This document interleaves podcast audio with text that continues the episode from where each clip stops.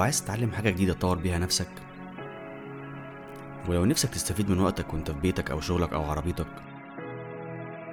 بتحب المعرفة والأسرار بس مش فاضي تقرأ كتب وأبحاث. عندك الشجاعة إنك تسمع فكر مختلف وتواجه الحقيقة؟ يبقى أهلا بيك معايا أنا رامي عادل في بودكاست عقل حر. خد نفس عميق وهات لك كوباية شاي ويلا بينا.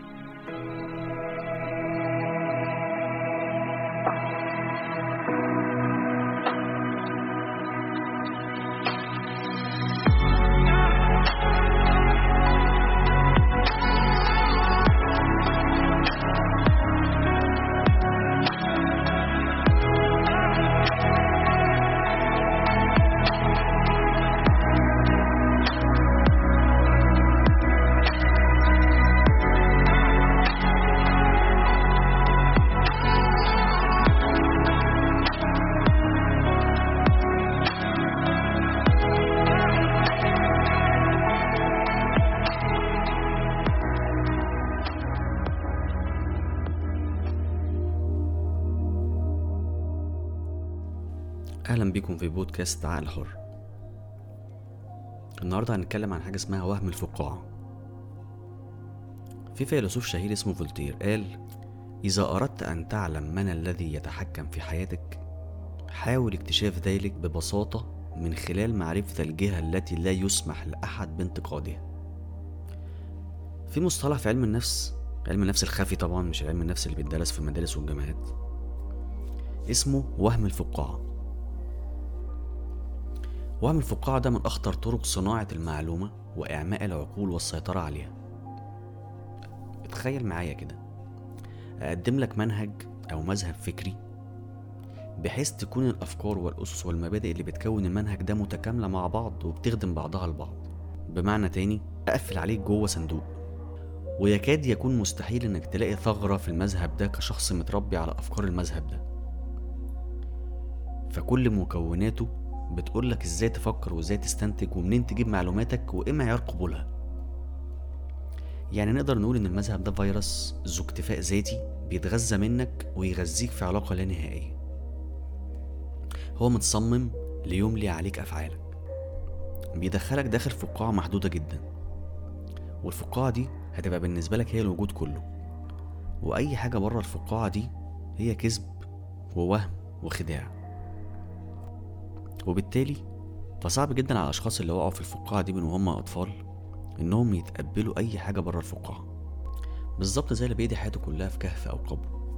ما ينفعش يخرج للنور فجأة ويشوف العالم كله مفتوح قدامه لأن الضوء هيعمي عينه عينه اللي متعودة على الضلمة وبسرعة هيرجع للقبو بتاعه تاني لأن الضوء سبب له وجع وألم في عينه. لكن الصح إنه يفتح عينه حبة حبة ويطلع السلم درجة درجة. الفقاعات دي تم تصميمها عن طريق أشخاص وجهات وكيانات هدفها مصالح احتكارية وما بتخدمش غير نفسها بس. وفي الحقيقة إن الفقاعات دي هشة جدا زي فقاعات الصابون عشان كده سموها الفقاعة. كل اللي علينا بس إننا نعرف الخدعة.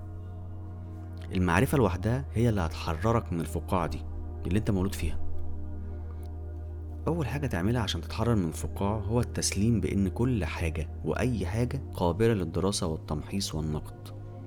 وإن كل حاجة وأي حاجة لازم تتعاير على ميزان العقل والمنطق والفطرة وميزان الأخلاق والبرهان العلمي والدليل البين والدليل المادي. بصة واحدة كده على المجتمعات العلمية المتقدمة هتلاقي الناس كلها هناك بتجري حواليك في همة ونشاط متواصل ليل نهار. كلهم مستعجلين. ولو سألتهم هو في إيه أنتوا رايحين فين بتعملوا إيه؟ هتسمع منهم همهمات بكلمات غامضة ويسيبوك ويكملوا مشي وجري وحركة. أما في المجتمعات الراكدة زي عندنا كده فشعار الناس هنا العجلة من الشيطان. وتلاقيهم كلهم يتحركوا بالبطيء وحاسين إن الأيام طويلة فليه الاستعجال والهلع والصربعة؟ تلاقيهم بيحبوا الماضي ويتباهوا بأفعال أجدادهم وكلامهم. ويحبوا يسمعوا القصص وأساطير القدماء ويستمتعوا بيها قوي وكل واحد فيهم حاسس إنه ماشي في طريق الخلود الأبدي والراحة الأبدية. الإنسان ربنا بلاه بمشكله ملهاش إلا طريقين ولازم إنه يختار طريق منهم. الطريق الأول هو طريق الطمأنينة والركود والطريق التاني هو طريق القلق والتطور. وما ينفعش إنه يمشي في الطريقين مع بعض. تويني المؤرخ المعروف بيقول إن الصفة الأساسية اللي بتميز الحياة المدنية عن الحياة البدائية هي الإبداع. لأن الحياة البدائية بيبقى مسيطر عليها التقاليد. وحب التقليد ده اللي خلى الإنسان يعيش عيشة بدائية على مدى 300 ألف سنة تقريبا. فالناس كانوا مقتنعين طول الفترة دي باللي ورثوه عن آبائهم وأجدادهم من عادات وأفكار فلما حصل لهم كوارث وشقاء وتسدد في وشهم سبل الرزق احتاروا. فبدأوا يتأملوا. ويفكروا. وفضلوا يتعبوا نفسهم وذهنهم عشان يدوروا على وسيلة جديدة. وبكده اتفتح قدامهم باب التحضر. فالمدنية والقلق صنوان لا يفترقان. فإما تكون عايش في نعيم وراحة بال وكسل وإنت جواك بتقول إنا وجدنا آباءنا على أمة وإنا على آثارهم مقتدون. أو إنك تكون عايش قلقان دايما وبتفكر وبتتأمل وبتسأل وبتدور وبتتحرك. فالمدنية والتحضر تمنه غالي جدا. وهو ربح من ناحية وخسارة من ناحية تانية. واللي هيقرر إنه يمشي في طريق المدنية لازم يفهم إنه داخل على قلق وعناء وألم ومعاناة. فلو مش عايز وجع دماغ يبقى تخليك في منطقة الطمأنينة اللي أنت فيها. أي نعم أنت هترتاح النهاردة بس هتتعب بكرة وكل أحفادك هيهلكوا. ابن الهيثم بيقول فطالب الحق ليس هو الناظر في كتب المتقدمين المسترسل مع طبعه في حسن الظن بهم بل طالب الحق هو المتهم لظنه فيهم المتوقف فيما يفهمه عنهم المتبع الحجة والبرهان لا قول القائل الذي هو إنسان. الجملة دي مهمة جدا لابن الهيثم اسمعوها تاني وفكروا فيها كويس. علم النفس الخفي بيقول إن الناس نوعين. نوع بيعيش الحياة زي ما هي بيمشي فيها بقوة الدفع زيه زي كل اللي حواليه من النمطيين العاديين. بتتحكم فيه الظروف والمعطيات اللي حواليه.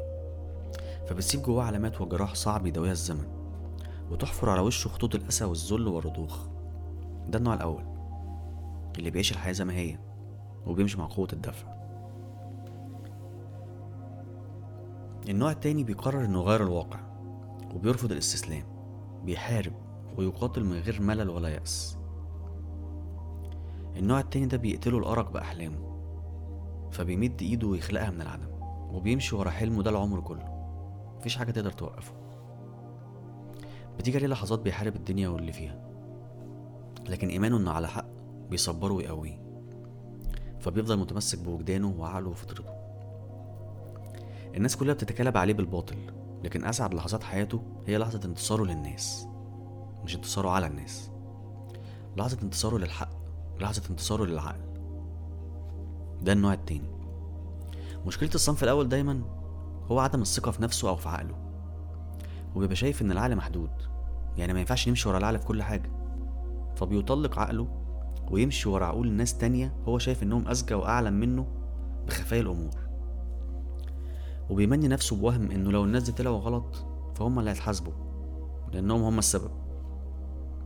ولو طلعوا صح فهو كمان ضمن النجاة معاهم عايش حياته على الفرض والاحتمالات.